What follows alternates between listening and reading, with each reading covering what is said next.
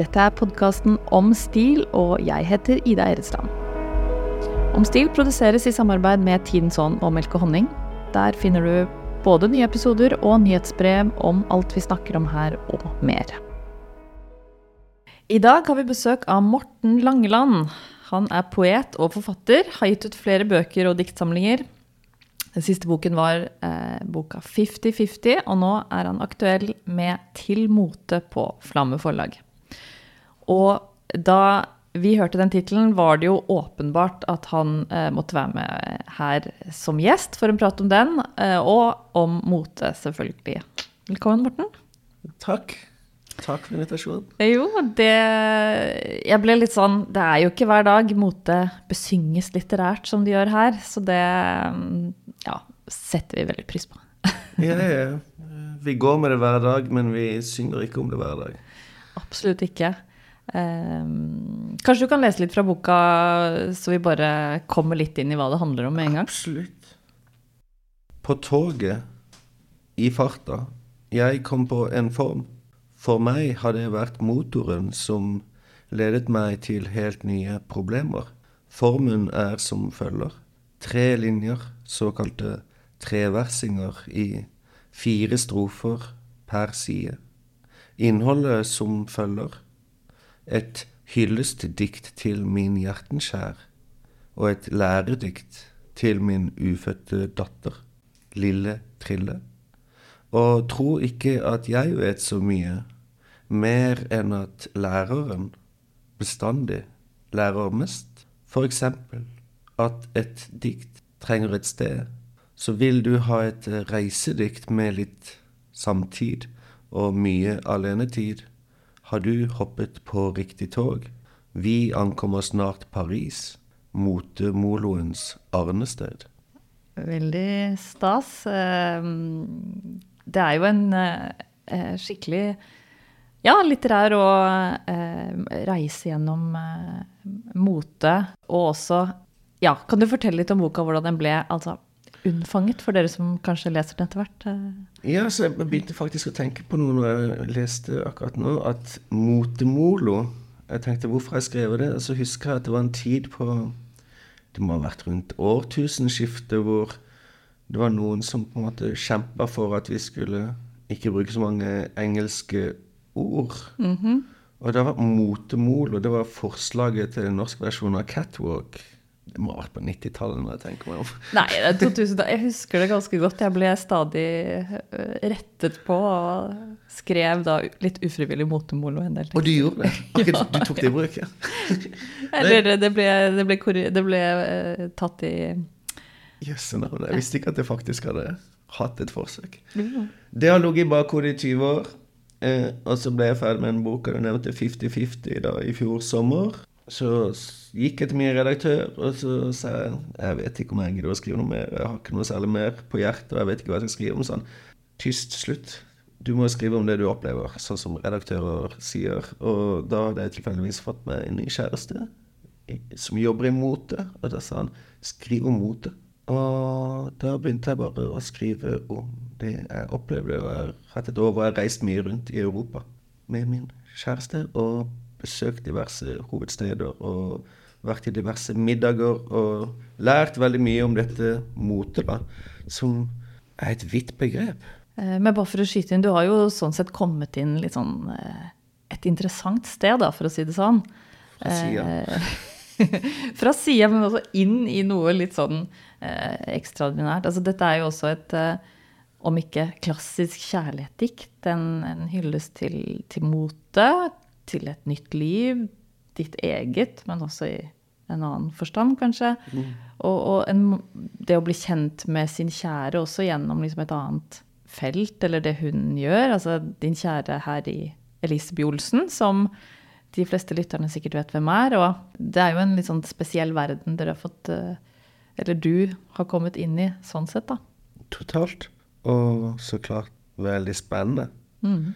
Men eh, det som kjennetegner alt som er spennende, er jo at man må tross alt bare gå inn med føttene først og baken deretter. Og gjøre sitt beste. At det blir naturlig. Jeg tok et slags oppgjør med meg selv. Eh, med den boka 50-50, for jeg hadde hatt et relativt hardt liv og vært på rehab. og eh, Kom ut og tenkte hva skal jeg gjøre? Og det var litt sånn Du må slutte å si nei til ting. Mm. Altså, du må tørre. Det var bare veldig privat personlige greier, for så vidt. Men hadde jeg ikke turt å si ja til ting, så hadde jeg ikke kunnet reist rundt i Europa og besøke mot hovedsteder. Og det handler om å være liksom stemt for å bli interessert. Ja, for det, det er litt sånn forfriskende med, med boka, syns jeg, dette eh, inntreden som du gjør i en sånn ny verden, men en veldig sånn åpenhet, da.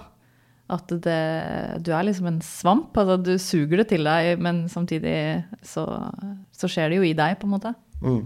Det må være um, mye naivitet på den gode måten. En villet naivitet, nesten. Altså naivitet ikke som dumskap, men som er åpenøyd. Ikke sant? Ja, fordi du har eh, ja, vært gjennom mye før. Det, lett, det, det kan være lett å være kynisk, på en måte. Ja, ja. Og det bitterhet og kyniskhet, eh, det kjemper vi med hele livet, og mer og mer når vi blir eldre. Man må liksom stadig hoppe i fjorden eller ta et isbad eller bli slått litt i fjeset for å bare våkne til. Mm. Å bli blasert er på en måte det vi kjemper mot. Kynisisme har eh, to ulike betydninger. Det er den gammelgreske som er å være kynisk og se hvordan ting henger sammen. Se på det og forstå det sånn som det er. Og så er det det å, som vi bruker det som mest, å ta avgjørelser, avgjørelser til fordel for seg sjøl og ikke tenke på andre osv. Men det å være helt kynisk i omgang med livet. Sånn står det fatt. Hva skal jeg gjøre? Hvordan vil jeg helst at det skal være? Være rettferdig og oppnøyd og tenke på enten seg selv, men også seg selv. Det syns jeg er en god måte å være på. Og det er Du nevnte ordet blasert. Det er jo Altså, du er poet. Det er mange, mange poeter som har befattet seg med mote opp igjennom. Du nevner Baudelaire i teksten. Dette med blaserthet var jo Eller har blitt litt sånn motens eh, personlighet eller aura eller et eller annet. Men jeg er litt enig med deg at det, gjelder å på en måte være åpen og Egentlig er det hele veien det å være åpen for å oppleve noe nytt. er jo liksom det motsatte. Totalt. Og jeg tror det ligger litt fremmed for oss å forstå Baudelaire, f.eks. At det som var sjokkerende med Baudelaire, det groteske bruddet med alle normer osv. Vi forstår ikke hvor sjokkerende det var, men så forstår vi heller ikke hvor stilig det var. Altså Baudelaire som fant på flaneriet. Altså Alle drev dank på den tida, for de hadde ikke jobb. De hadde kommet til Paris, og de var lutfattige. Og de var sønn av bønder som ikke kunne skrive, og de kunne ikke skrive selv. Og de så de første supermarkedene i verden. De så de rikeste menneskene i verden. De så verdens hovedstad, sentrum, hvor alt nytt kom. Og de hadde ikke noe særlig å gjøre. De måtte gå rundt og være lutfattige og prøve å stjele noe osv. Og, og de flanerte. Å flanere, som Baudelaire sier, det er å gå tur med en skilpadde i bånd. Det handler om en langsomhet i hurtigheten. Det handler om å ta et steg tilbake og se hva som skjer her. Window shopping begynner der. Ikke sant? Og det er jo en, eh, en litterær øvelse på et eller annet vis. Du tar innover deg disse kulturuttrykkene, egenskapene, visuelle inntrykkene, men også Det er ikke det at du nødvendigvis går i klærne, eller kjøper de. Helst ikke. Nei. Jeg har ikke råd. ikke sant? De er jo jækla fine, da. På en måte, den riktige måten å være windowshopper på, er jo egentlig å, å blunde litt. For det begjæret blir vekka i oss uansett. Men å begjære noe du ikke kan ha råd til, sånn som de fleste av oss gjør hele tida, det kan bli en litt sånn bitter erfaring. Til man går på en smell. Ikke sant. Men det virker jo som du, eh, som andre poeter, har, eh, har blitt inspirert i møte med moten. Opplevde du det sånn at du ble Ja, det åpnet noe nytt, eller Totalt. Totalt. Og jeg har vært interessert i stil og mote og sånn amatørmessig, og ikke sånn at jeg har gått på noen Fashion Today-blogger eller noe sånt, men bare sånn, som noe som er interessant å observere i bybildet og blant venner og på TV osv. Men det jeg fort forsto, at vi har tenkt at det går jævla fort i over 100 år. Og det går jævla fort, ikke sant? Men de var jo livredde der i Paris på 1850-tallet. Nå kommer toget, skal det kjøre på oss gjennom Kina og skjermen. kommer det ut av lerretet. Det var en reell frykt, og det er 120 år siden. Og, og nettopp det jeg nevnte, denne blasertheten. At det er en forsvarsmekanisme i møte med alle disse nye menneskene. Du kommer fra som du sier, en liten landsby hvor alle kjenner alle. Plutselig så kommer du og møter en horde med fremmede hver dag. Og du må på en måte skape en eller annen sånn en rolle. Mote blir kanskje en, eh, en måte å, å sette opp en front du på en måte kan leve i den verden i uten å bli bombardert av inntrykkene. da. Totalt. Det er jo massens, eh, massens framvekst. Altså, eh, man er en blant 10 000. Altså, man forsvinner, og så vil man ha litt særpreg på det. Men det er også der hvor mote som identitetsmarkør eller politisk markør også. Altså, jeg skriver om sanskolutter. Det er de som går med kortbukser, som markerer at de tilhører arbeideropprøret. Altså, Ja. det at eh, stilen eller eh, hva du går med, både viser hvem du er i forhold til en gruppe, men også innad i gruppen skal vise at du er et individ, syns jeg er interessant. Jeg skal aldri gå med slengbukse igjen, sa folk for liksom ni år siden, og så går du nedover nå, og så ser det ut som. Eller sånne ting, da. Ja, ja. Den, eh, helt enig. Den der psykologiske prosessen hvor man på en måte nesten blir eh, hjernevaska. Altså, man vet ikke hva som skjer. Bare lukker øynene og går inn i sitt walk-in closet -huh. og finner fram til de der svarte tøybagene som skulle til Fretex, og tar det opp igjen. Um, men du nevner tog, og du nevner Du har en utrolig fin sekvens i boken eller hvor du også sammenligner dette med mm, John Galliano, som hadde et show eh, i Paris rundt 2000-tallet. Ja. Eh, Det var i 99, kanskje? 99, ja, hvor denne eh, Han har liksom gjort en sånn replika av dette toget som kommer eh, Han har fått frakta et damplokomotiv opp fra Sør-Frankrike og sperra tre spor på Gade og Slitz eller et eller annet eh, midt på dagen. og eh, setter hele Paris' elite på perrongene, og de sitter og venter, og det er glovarmt, og de svetter og svetter timevis. Og så kommer toget inn. Og så er Pocahontas festa på liksom fjeset på Thomas-toget der. Og så kommer modellene løpende inn med hester og tomahawker og indianere og kjører på, da. Altså, alt som skjedde den dagen, er umulig i dag. På Ja. alle måter. Ja, ja. Men det som skjer i dag, vil også være umulig om 20 år. Man kan lære ganske mye av det. John Galliano er på den tiden eh, sjefdesigner for Dior, og, og, og kanskje verdens største designer per akkurat da. Og, og kunne da iscenesette sånne vanvittige stunts, holdt jeg på å si. Um, men, men dere også, kjører også tog um, gjennom Europa, på kryss og tvers egentlig. Det er gøy å være med dere. Belgia, Italia, eh, Island. Ikke tog til Island kanskje, men Tyskland, Nederland, England, Irland. altså Nesten sånn i ett strekk. Det var kanskje over en høst, eller Ja, typ november til april. Eh, Ja, og dere er jo eh, i Belgia f.eks. er jo et eh, veldig prominent moteland. Eh, og dere lander ganske sånn midt i det i, i Antwerpen. Ja. ja nei, et sted i boka tror jeg skriver um, Japan, Belgia 2-2. Ja. Og da handler det om the intelligence period in fashion, da. Altså Rei Kawakubo kom det også. Og eh, Yamamoto, tror jeg. Kanskje også Ismiak. og så klart eh, Dries van Noten og eh, Martin Magella. Og Antwerpen 6, da. Mm. Disse designerne som kom på 80-tallet og forandra moteindustrien. ja. Så klart parallelt med masse andre strukturelle forandringer i globaliseringa og kapitalismen etc. Men på et eller annet tidspunkt så var det fem unge designere som tok en Volkswagen og kjørte fra Antwerpen til London. Og på et eller annet tidspunkt var det noen japanere som flytta til Paris. Og fra da til nå så har det vi kaller mote, da, som Eller klesindustrien vokst uh, helt vanvittig. Og de har vært med på hele reisen.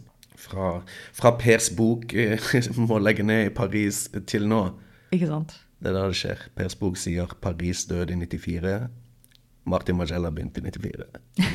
Altså, Ja.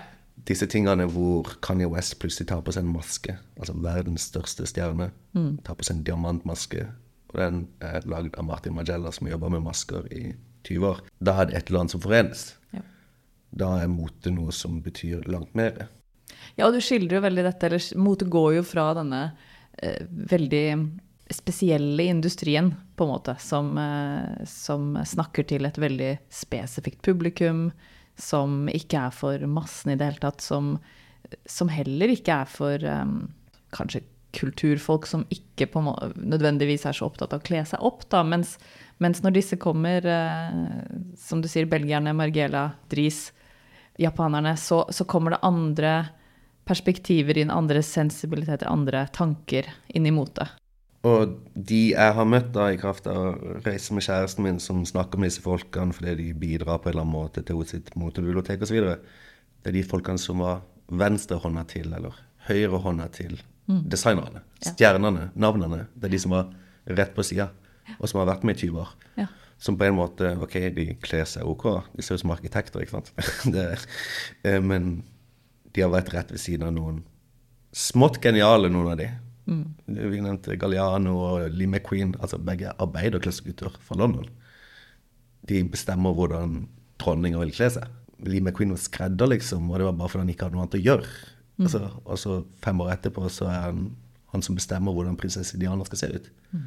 Det er en klassereise av helt vanvittige proporsjoner, som jeg syns er interessant, og det kjennetegner nesten alle de stjernene. De har noen De har noen mødre. Eller ja, som Yamamoto. Mora hans var enke fordi faren døde under andre verdenskrig. Eneste jobben en japansk enke kan gjøre når hun skal passe på barna i tillegg, er å jobbe i en systue. Så en systue er også et horehus. Så Yamamoto vokser opp et sted hvor det er folk som skal pule mora si, og mora må jobbe. Så han får svart belte i karate, mm -hmm. og han lærer seg å sy. Ikke sant. Og så flytter han til Paris. Og han sier fortsatt at inspirasjonen vet ikke. Når jeg ikke har noe å gjøre, så kjører jeg så fort jeg kan gjennom Tokyo. Hvorfor skal jeg lage tøy nå som Issey Miyake er død? Altså, alt er superpersonlig. Ja. Han har en venn, det er Issey Miyake. Issey Miyake dør. Hvorfor skal jeg fortsette å lage noe? Mm. Det er veldig vakkert. da. Ja, det er fantastisk. Og de eh, japanske kreatørene som du, som du nevner Andre verdenskrig blir jo ofte et omdreiningspunkt faktisk for dem. De, de har denne mørke historien, eller veldig mm. traumatiske opplevelsen. Han sier det rett ut. altså Hat er det eneste som livnærer meg. Ja. Han er 80 år gammel. Han hater amerikanere. Ikke sant. For de som ikke kjenner estetikken, hvordan vil du beskrive den? Det er ett bilde som jeg er veldig fornøyd med, som jeg fant uh, på selv. Um, og det er om Rei Kawakubo og Comme Gasso. Det er at eh, det ser ut som noen har sluppet Edvard Saksehånd løs i en nonnedrakt. Ja. Det kalte Presist, ja. Flock of Crows, Kråketinget. Det var fansene til Gamle Gasser. Altså svart og posete. Mm. Ta bort silhuetten. Ja, og sort var jo ikke sånn som i dag, så jeg mener, alle kler seg svart absolutt hele tiden. Ja. Eh, da, da, disse kom på scenen på, på begynnelsen av 80-tallet, var jo ikke det vanlig overhodet. Totalt ikke. Eh. Er en annen historie om svart, for det er en annen Patrick Skellen som eh, har vært både venstrehånda til Martin Magella og venstrehånda til Dries van Noten. Han er irsk, han er homofil, han er 60 år gammel. Han liker å spise og drikke. Han har skrevet taler for EU-kommisjonen. Men altså sånn Når jeg spurte de irske enkene om de kunne sy en basically en Marius-genser til meg, og jeg sa at jeg ville ha det inn svart, så sa de det kan vi ikke gjøre. Vi syr bare svart til prester. Det er der det ligger. Altså, ja. Man skal ikke gå med svart. Nei. Det er en, eh, den er forbeholdt uh, visse situasjoner. Sorg og mester. ja, ja, ikke sant. Det, og, og, nå i dag uh, så går vi alle i det. Ja. Fordi Yamamoto Reika gjorde det, faktisk. Mm. Og, og, den type innsikt er litt sånn Ja, når du først på en måte begynner å se disse Ja, se det eller, eller forstå at det skjer, da, så, så vil jeg tro, eller så leser jeg i hvert fall også i din bok, at det det gjør noe med en. Eller som poet kanskje man blir eh, litt ekstra fengsla av det. Ja, altså for meg som forfatter så er det dypt uh, kynisk. um, du kan ta et hvilket som helst plagg, og så kan du stille tre spørsmål, og så har du en historie. Ja. Altså Det er noe vi går med hele tida. Det fins år rundt deg hele tida. Alle har Hvis du ikke vet hva du skal spørre om i et middagsselskap, så kan du bare si et eller annet om et plagg, og så kommer det, liksom. Uh, det er et veldig flott utgangspunkt for å tenke og fortelle altså klær. En, du kan gå historisk til verks, klart. Du kan gå helt samtidig til verks. Du kan gå formmessig til verks. Altså, hvorfor går menn kledd som de gjør? Jo, fordi det kommer fra militæret eller fra yrker. Altså, slengbuksa var for at sjømenn skulle kunne rulle det opp fort når de hoppa i vannet eller skulle oppover. Altså, det er helt praktiske grunner til at ting fins. Ja. Og det gjelder alt vi går med. Men vi har bare på en måte en viss avstand til både det yrket og det praktiske grunnen. Altså når bilene kom, så kalte de sjåføren for kusk. Det ligger en sånn delay Ikke sant? både i språket og i plaggene våre. Og det er jo interessant med altså, alt som det er utenkelig å gå med for oss akkurat her og nå, som vi enten kommer til å gå med Absolutt. eller akkurat vet ikke. Det er jo helt, eh, helt vanvittig. Ja, som du sier. Utrolig med historie, eh, historier i plagg og stil og i, i klær. Og det informeres jo av også livene vi lever. Og jeg tror jeg har lest en gang at forfattere de trives best liksom helt nede i huden, innenfor hårene, eller hva. Altså sånn i, i livet, i hverdagslivet. Og da vil jeg jo tro at uh, nettopp klær, det å gå inn i klesskapet, er en, eh, en, en verden som, eh, som gir mye. Det er mye paralleller mellom litteratur og mote på mange måter. Det er helt fritt, og så er det allikevel dypt kontrollert. Og vi vet ikke hvem som kontrollerer det. Stil er jo litterær stil, og så klart stilen du går med. Et anagram til stil er list. Listighet. Men når vi snakker om stil, snakker vi om noe som er dypt personlig. Det er stilen hans sin. Litterært så sier man stilen er mannen.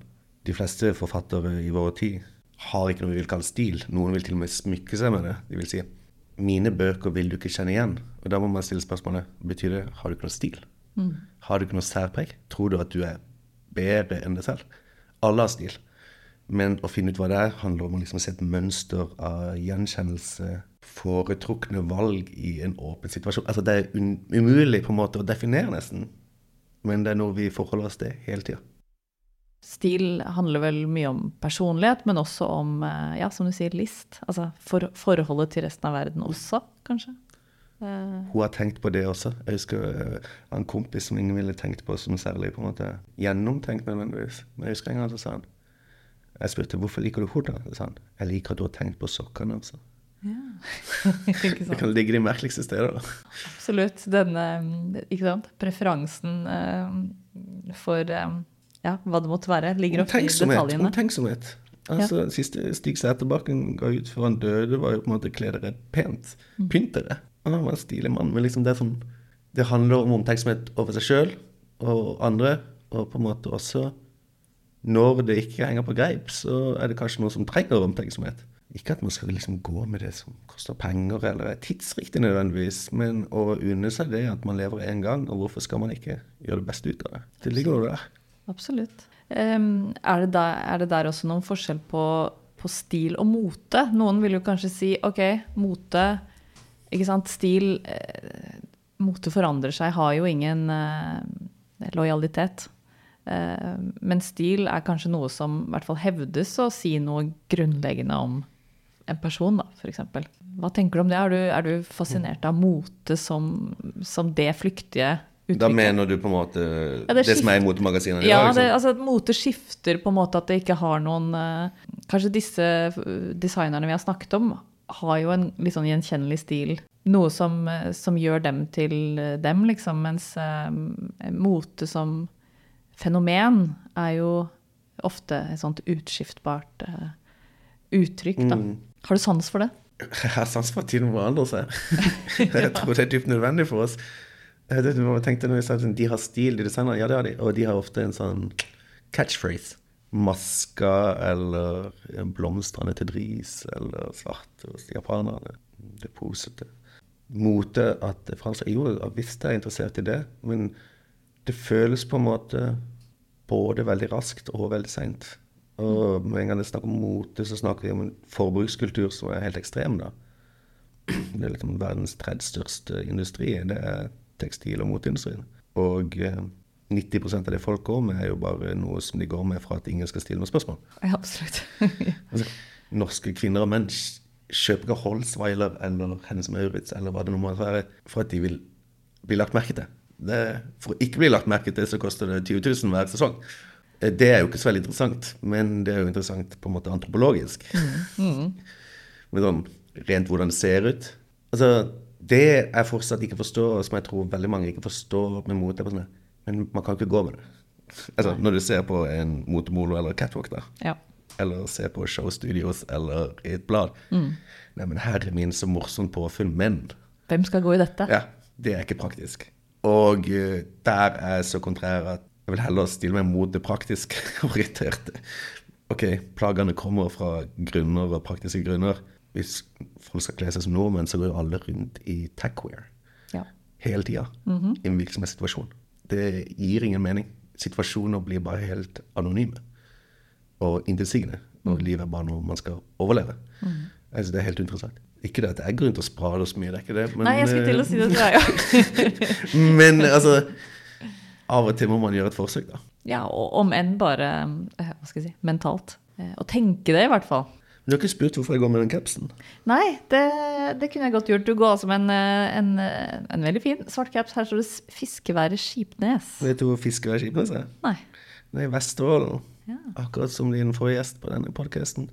Ja, Iselin Steiro kommer derfra. Ja. Så når jeg var på fiskeværet Skipnes i sommer, så var det vært et bryllup der, da. De to store klanene i Vesterålen hadde Romeo og Julie-aktig Forurenser for første gang. Og der oppe er det litt sånn klansaktig, det er ikke noen lensmann der, for å si det sånn. Eh, så det har vært et stor begivenhet tre uker før, da. Og det ene klanen er Steiro-klanen. Okay. Jeg husker ikke hva Mercusio-klanen heter. Men, Oh. men det er også veldig interessant, for det en sånn drapsgåte. ah. Tre menn dro ut i en båt. To kom tilbake. Har det vært løsna skudd? De dro ut fra fiskeværet. Denne capsen er så klart helt generisk. Den er sikkert trykka og lagd som alt annet. Men stedet har en historie. Eller tre. Eller eh, Ikke sant? Absolutt. Og det, men det er jo som du nevner, enhver idé ligger det en historie med deg nå som Møter du noen som kjenner til denne historien, så vil jo det være en helt uh, Da har vi noe å snakke om, endelig. Da har du en icebreaker. uh, men også, du snakket litt også om um, Altså, det er en veldig, veldig fin caps. Uh, snakket også om andre um, Hvordan resten av uh, du, snakke, du, du nevnte Vi snakket litt sammen på forhånd. Ja, kan snakke 20 minutter om et antrekk. var Et godt eksempel. Har du noen andre historier om bare for å la oss liksom skanne her? Du lurer kanskje på hvorfor jeg går med det samme som i går? Eh, nei, det Jeg så på hotell. ikke sant? Jeg flytta til Marka, så jeg må sove på hotell når jeg vil. Så derfor ga jeg meg samme som i går. her kjøpte jeg for 59 kroner på Fretex i går. Det er en svart T-skjorte. Denne buksa er fra Uniqlo, og der kommer det noe interessant. På Uniqlo så er de kjent for at de lager eh, klærne sine hos uguruene, eller hva de heter. De som bor i konsentrasjonsleir i Kina. Jeg vet dette. Du nevner, ja, du nevner det i boken òg. Ja. Jeg går allikevel og kjøper opp Uniqlo. ja. Hvordan kan man handle mot bedre viten, og faktisk handle? Ikke sant? Eh, det er veldig interessant. Jeg skal slutte nå. Vet du hvorfor jeg går med campersko? For det for meg var det et dølt merke. Camper.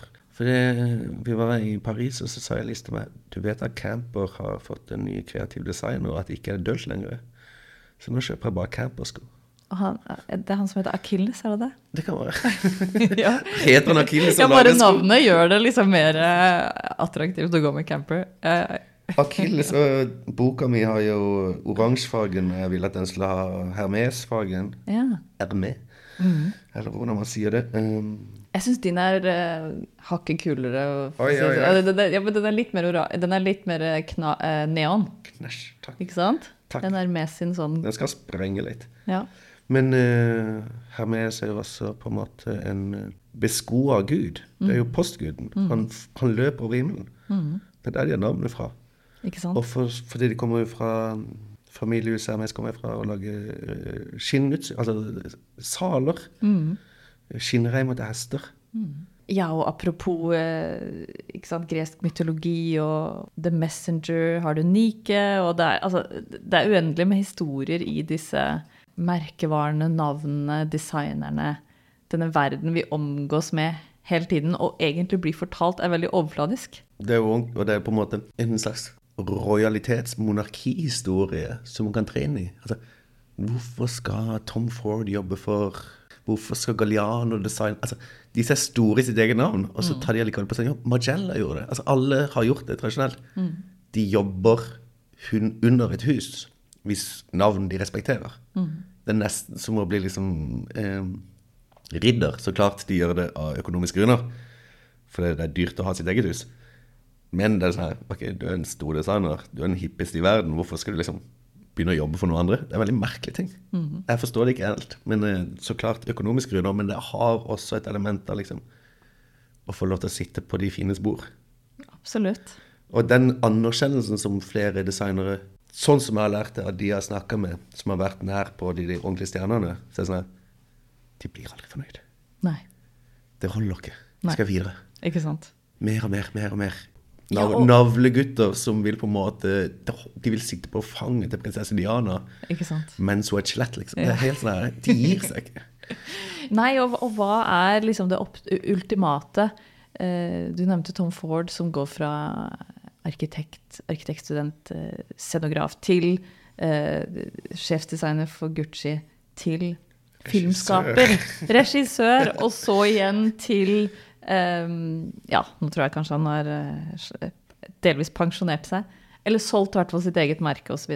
Du har alle disse um, livsløpene som er veldig spesielle, egentlig. Helt vanvittig.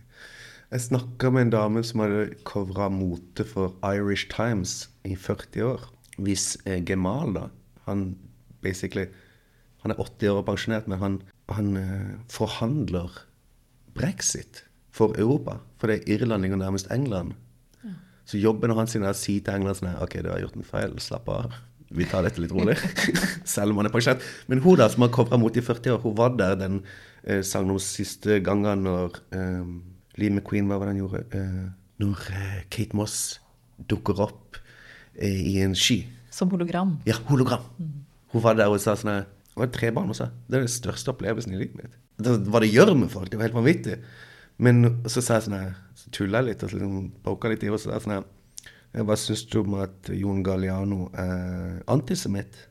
Ja. Når han drikker litt for mye, så snakker han stygt om jøder på puben. Han hadde 40 kolleksjoner i året. Jeg gir ikke jeg gir flatt faen, liksom. Ja. Altså, mengden arbeid, det nivået Ikke ikke, til etterfølgelse, men det er sånn helt interessant hvor liksom ekstreme ting de gjør. Mm. Og det for å være, til å være en overfladisk eksess. Mm. Helt, altså Luksusbransjen, da, som er grunnen til at mothusene overlever. Mengden arbeid, da. Det er helt vilt. Helt vilt. Bare å være modell altså, Jeg begynner å forstå det at det også er et vanvittig arbeid, på en måte. altså som ja. Det er slitsomt og tungt. Ja, ja. Iselin nevnte jo det litt i forrige episode, som du kanskje hørte på, ja, at eh, det er en Og du lever nesten i en sånn konstant forflytning. Altså du Dere er jo også på et tog og reiser rundt, og eh, kanskje litt eh, parallell, men, men det er en evig sånn ja, fremover, fremover i, i Ja, som modell så har du nesten aldri en, en fridag når du er på topp.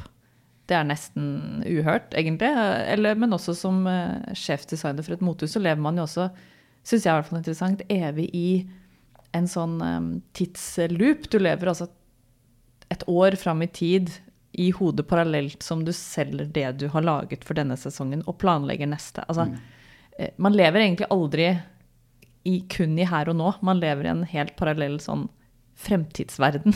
Som på en totalt det motsatte av hva vi blir hva de fleste ønsker seg nå, da. Altså, Ja, ja. De ønsker å oppleve øyeblikket og litt eh, meditasjon og, og kunne slappe av og være til stede Presence der, og så videre. Men så er det bare sånn Fuck det. Mm. Ja, nå kjører vi, liksom. Og de, den akselerasjonen i moten, den tar ikke slutt. Nei. Det som skjedde etter korona, var jo at det går dobbelt så fort. Mm. Fordi de hang etter. Ja, ikke sant. Det var ikke det at nå skal vi begynne å liksom kjøre litt mer zen, for vi kommer fra Japan. Nei, det var sånn her, fuck, vi må ha 14 kolleksjoner i år. Helt, uh, helt utrolig.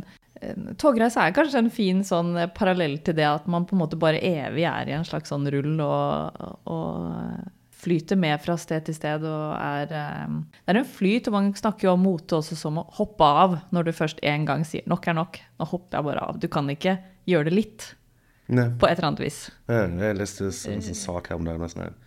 Vi må pensjonere oss når vi er 30. Ja. Det, går ikke an. altså, det er jo en vanvittig selvbevissthet i feltet nå, til fordel for det det sikkert var for 20 år siden. Men altså, den selvbevisstheten og konsekvensene, det er to forskjellige ting. mange klesdesignere hopper, har hoppet av opp igjennom for å bli kunstnere. Eh, Du nevner jo Yamamoto og Margiela, som på mange måter ikke har gått aktivt eh, inn i kunstfeltet, men som jobber som kunstnere på en eller annen måte. Mens eh, for mange blir det en, en, en slags utvei av dette litt sånn rotteracet, da. men, eh, men det er kanskje noe med den hektiske, eh, hektiske som, som fascinerer når man kommer litt utenfra òg, tenker jeg. Sånn som jeg opplever det, at du hopper på et tog og kommer inn i dette. Mm. Uh, det er jo ingenting jeg skulle ha sagt. Det har ikke noe å si hva jeg sier, og det får ingen konsekvenser for meg. Forhåpentligvis ikke for noen andre heller. Men derfor så er på en måte et øye på veggen eller et øye på toget. Og samtidig så får jeg lov til å, mens jeg er på puben, overhøre noen ganske F.eks. Magella, hans første utstilling i 97. Og så snakker jeg med han der Patrick. Altså, sånn, ideen med å ha mannekengene utafor museet, sånn at de ser inn mens de har på seg dette tøyet, det var mammaen min sin idé. Ja. Magella var ikke interessert i den utstillinga. Han hadde nok med å lage kolleksjoner. Og så ok, Dere to drar, Jenny og Patrick, og lager en utstilling. Ja. Og så kommer en 80 år gammel irsk dame og sier sånn Hvorfor har dere ikke ute hvis det skal handle om bakterier? Det, Sånn fungerer jo ting vanligvis. Man tar det man har, og så ja, og man har økosystem som, eh, som etter hvert blir ganske sånn gjensidig eh, Hva skal jeg si fruktbare, da. Det var 30 stykker som jobba på Magella når det begynte å gå ordentlig. Alle gikk med hvitt. De gikk med labbtøy for at det ikke var vanskelig å se forskjell på det. Det er helt fantastisk. Han, han var den første til å lage en fabrikk. altså, det ser ut som de fabrikkene som faktisk lager tøy vi går med. 500 mennesker i likt tøy som sitter og syr i 14 timer mens ungene de sine skriker, liksom. Ikke sant? Men det var det samme han kledde sine designere i. Det var sånn ok, vi er en lab. Ingen skal skille seg ut. Og vi er et anonymt. Ingen skal vite hvordan Martin Magella ser ut. Vi og Magella. Det var et genistrek. Men det den genistreken gjorde, var at han ble den mest myteomspunne, sagnomsuste Hvem er det? Hvordan gjør han det? Altså, Ikke sant? Og, og det unike med Margello er jo at han faktisk eh, sa OK, nok er nok på et tidspunkt, og så ble han borte. ja. Altså, han eh, lever sikkert et, sitt beste liv i dag, men eh, det er utenfor eh, offentlighetens søkelys, liksom. Ja, det er jo altså, det er jo en fantastisk kommentar. Altså, li, måten han har valgt å leve sitt yrkesliv på, er jo stor kunstgjerne i seg selv. Kanskje større enn disse utstillingene. Altså. Det er en fantastisk måte å forvalte et uh, offentlig liv på. Mm, absolutt. Til etterfølgere fra Kanye West, som lærer JC om det. ikke sant? Hvis du skal vite hvordan du skal oppføre deg, skal du se til Martin Magella. Og så rapper JC om Magella. Og så kommer alle hiphoperne i hele New York til Magella Store. Og så er det ingenting de kan kjøpe. Hva skjer da? Da sier Diesel, eh, grunnleggeren som har kjøpt Magella, du må lage noen sneakers. Så lager de sneakers. Og designet av John Caniano i dag. Etter at han fikk sparken fra Dior. Så det henger sammen. Ja, og det er jo en liten verden. Disse menneskene er jo 50 stykker. Mm. Og er det resten av verden som går med det. Ja, det er fascinerende. Vi var på seminar i går. Du og Lise Bye Olsen jobber med eh, Eller Elise jobber jo med sitt prosjekt på International Library of Fashion Research. Har dere noen uh, samarbeidsprosjekter på gang? Vi lager jo en sånn avis sammen. Ja, Ja, stemmer. En sånn fanzineavis Ja. som kommer i sitt eh, femte nummer nå om et par uker. Og den, litt som boka mi, er et eh, lystbetont overskuddsverk hvor på en måte det handler om å nedtegne det man opplever. Og da er det mer som hvis vi er på puben og noen sier noe morsomt, så sier vi sånn Vil ikke du skrive det i avisa vår? Ja. Og så kommer den ut i et slags ett ark. Et stort A3-ark eh, med nummer og spillerom. Med ulike bidragsytere. Det er sikkert 80 stykker til sammen. Fra Bjarne Melgaard til, til Kid Next Door. Eller. Og det er veldig gøy. Så det er et prosjekt sammen. Ja, hvor kan man få tak i dette? Er det ja. eh, Tronsmo. Ja? Ja. Hovedsakelig Tronsmo eller bagasjerom til Elise. Veldig bra. Så eh, etter godt råd da fra din redaktør, men også inspirert av eh, de store designerne, eh, Desaivar Margiela eller Yamamoto, skriv ditt eget liv, kle deg i ditt eget liv. Er det litt det som er essensen? Eller Ja, eller eh, Tenk på hva du har på deg. tenk på På alle måter. Det er, eh, det er eh, en givende øvelse. totalt. Det gjør ting bare større. Tusen takk for at du var med oss, Morten. Takk for at jeg fikk være med. Vi er tilbake neste uke. Ha det bra så lenge.